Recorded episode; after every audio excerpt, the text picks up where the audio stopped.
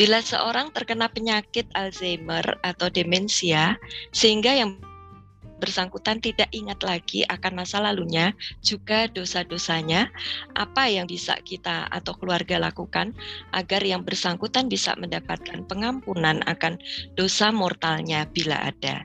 Demikian pula dengan orang yang kena stroke atau koma, apakah bisa keluarga mengupayakan keselamatannya dengan mengupayakan pemberian sakramen perminyakan. Demikian ya, Romo. Betul. Kalau orang yang dengan sakit itu tapi masih mengalami kesadaran, bisa diajak masuk ke ruang pengakuan. Dia mengaku dosa saja. Kalau ada keterbatasan dalam ingatan dan sebagainya, kan Tuhan Maha tahu. Yang penting orangnya diajak bertobat. Kalau yang dulu-dulu lupa ya. Namun kalau sudah sulit pengakuan dosa dalam keadaan kritis atau dalam keadaan boleh dikatakan sudah sangat lemah sakrat maut, yang kita upayakan adalah memohonkan penerimaan sakramen pengurapan orang sakit. Yang dalam bahasa sehari-hari kita menyebutnya perminyakan itu. Sebenarnya bahasa perminyakan itu tidak persis tidak persis tepat, meskipun ya boleh juga. Tapi saya lebih suka menyebutnya sakramen pengurapan orang sakit seperti gereja mengatakannya. Perminyakan lah kalau bahasa sehari-hari. Perminyakan atau sakramen pengurapan orang sakit membawa dampak pengampunan dosa juga untuk dosa mortal.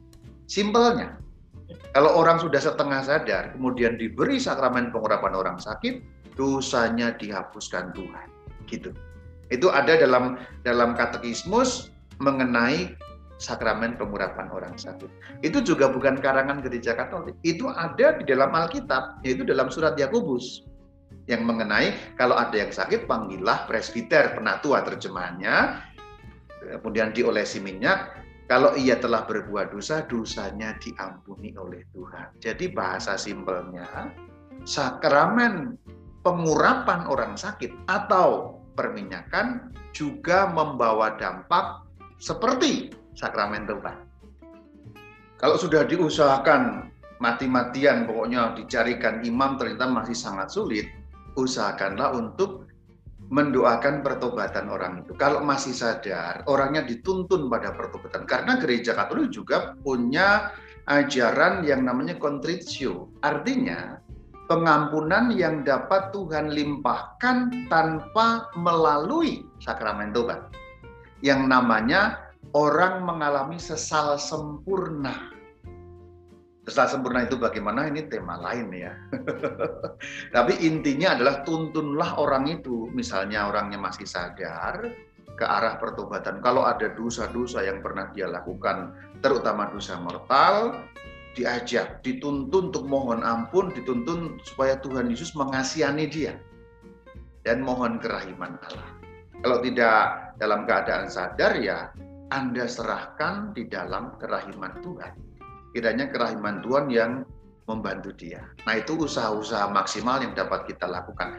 Namun di atas semua itu saya tetap mendorong sekuat tenaga Anda mencari pertolongan presbiter atau seorang imam untuk dapat menganugerahkan sakramen pengurapan orang sakit. Jadi saya mau menggarisbawahi pentingnya atau maha pentingnya sakramen pengurapan orang sakit. Ini benteng yang lebih terakhir lagi sebenarnya. Seandainya orangnya sudah tidak sadar, orangnya sudah sudah sulit untuk pengakuan dosa, kita mohonkan. Karena siapa tahu orang itu masih mengandung dosa mortal.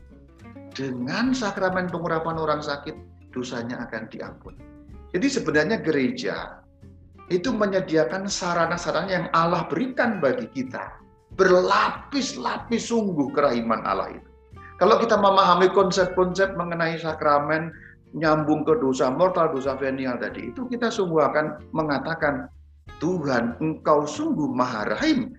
Tidak hanya maha rahim, tapi maha menyediakan, maha memperlengkapi kita dengan sangat berlapis-lapis. Dibaptis, hilang dosa asal, masuk surga gampangnya. Kalau kita salah ada sakramen tobat, sudah kena vonis neraka, hilang lagi vonis nerakanya sampai detik terakhir kita sudah nggak bisa apa-apa pun kalau diberi sakramen pengurapan dosa mortalnya hilang. Sungguh berlapis-lapis kan. Dalam bahasa saya, kalau Anda Katolik dan tidak masuk surga itu Anda kebangetan banget jadi Katoliknya.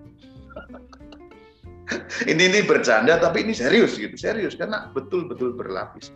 Jadi tadi itu yang saya sampaikan ajak menuju pertobatan dan mohon kerahiman Allah semoga dia sampai pada sesal sempurna sehingga pertobatan akan diterima Tuhan dan mendapatkan pengampunan juga.